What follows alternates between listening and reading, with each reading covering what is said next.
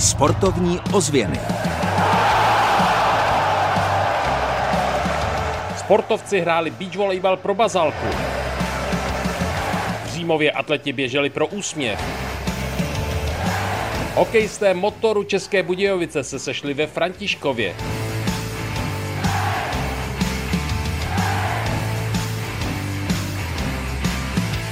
Jak už zaznělo, vydáme se na několik míst jeho českého kraje a začneme třeba na českobudějovickém beach volejbalovém kurtu. Sportovci totiž pomáhali bazalce. Dobrý den vám od mikrofonu sportovních ozvěn přeje Kamil Jáša.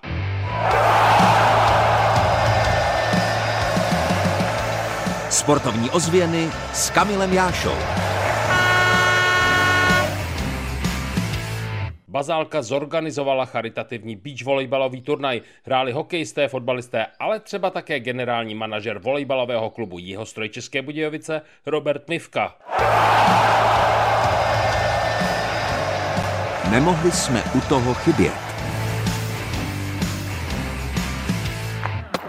Je to akce každoroční, výborná. Člověk může spojit to, že se hýbne a ještě pomůže dobrý věci a Bazalka tady má výborný jméno, dělá velmi záslužnou činnost, tak jsem rád, že tady můžeme všichni být a pobavit se a ještě být nápomocný nějak. A vy z pozice generálního manažera volejbalového klubu Jihostory České Budějovice, profesionálního sportovního klubu, využíváte i možnosti, zapojujete se do charitativních projektů? Dokonce to vnímám jako podstatnou součást činnosti každého profesionálního klubu a na kterou by se měl zaměřit a nedělat jí jen tak bokem, ale naplno jako všechno ostatní. Takže ano, snažíme se pomáhat, jak můžeme. Bývalý extraligový hráč David Juračka, odchovanec Českobudějovického volejbalu, začínal asi v táboře, teď jsme se sešli na charitativní akci.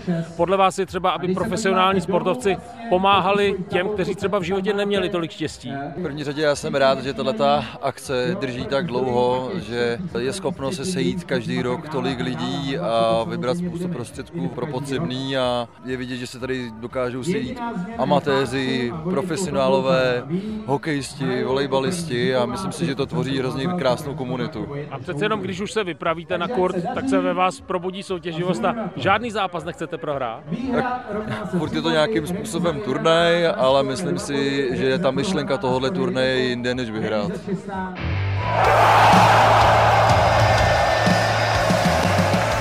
Sportovní ozvěny výsledkově. V charitativním tónu pokračujeme i ve výsledcích. V Římově běželi sportovci pro úsměv a v roli organizátorky byla přímo u toho Klára Vášová. Letos běžíme pro spolek Hajma. Podporuje děti s poruchou krvetvorby. A to je v Římově tradiční věc, pomáhat pohybem, O. konkrétně během. Ano, letos už běžíme osmý ročník, vždycky běžíme pro nějakou rodinu nebo rodiny, které mají handicapované nebo nemocné děti a přibíráme k tomu vždycky i nějakou společnost. Hm, a když se já pootočím a podívám se na to nepřeberné množství dětí, co tomu říkáte? No vzhledem k tomu počasí mě to docela překvapuje. Milé. Milé samozřejmě. Máme snad asi nejvíc lidí, to je jako jeden z nejlepších ročníků, co se týče účasti. I přes to počasí. A jdeme na velmi bohatý fotbalový servis. Třetí liga, Povltavská písek 4-1. Dynamo České Budějovice B, Králův dvůr naopak vysoko 3-0.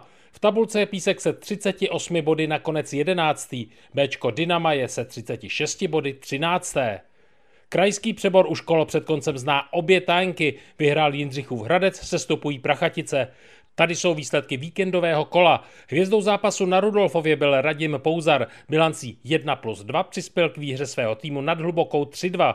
Olešník trhové sviny 4-2. Jeden z gólů střelil David Lafata. Táborsko B týn nad Vltavou vysoko 7-3. Diváci viděli 10 gólů. Protivín Semice 0-2. Dražice Osek 3-2, Milevsko Prachatice 1-0 a už je jasné, že Prachatice skončí v tabulce poslední. Strakonice Třeboň 0-5, Jankov Jindřichův Hradec 1-1. Sportovní ozvěny výsledkově. Legendy hokejového motoru se setkali ve Františkově v ráji cyklistů. Tam je pozval Miroslav Bláha, který ke kolu paradoxně nikdy moc kladný vztah neměl. Tak za nás vůbec cyklistika nebyla, my jsme jenom běhali po betoně, proto máme všichni zničený kyčle a klouby a prostě cyklistika ne, ta, to jsme neprovozovali. Plavání bylo, ale cyklistika ne.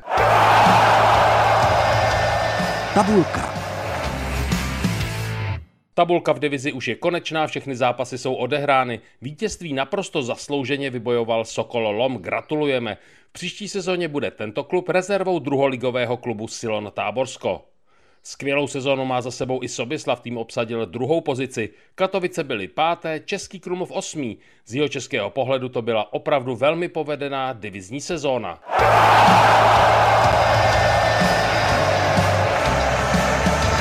Kam v týdnu za sportem.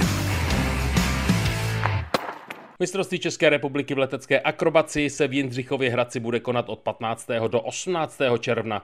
Závodit budou největší česká ESA, takže nebe nad jeho českým krajem bude plné zajímavých výkrutů. Třeba se společně s vámi sejdeme právě na letišti na tomto šampionátu. Od mikrofonu vás zdraví Kamil Jáša. Sportovní ozvěny Českého rozhlasu České Budějovice.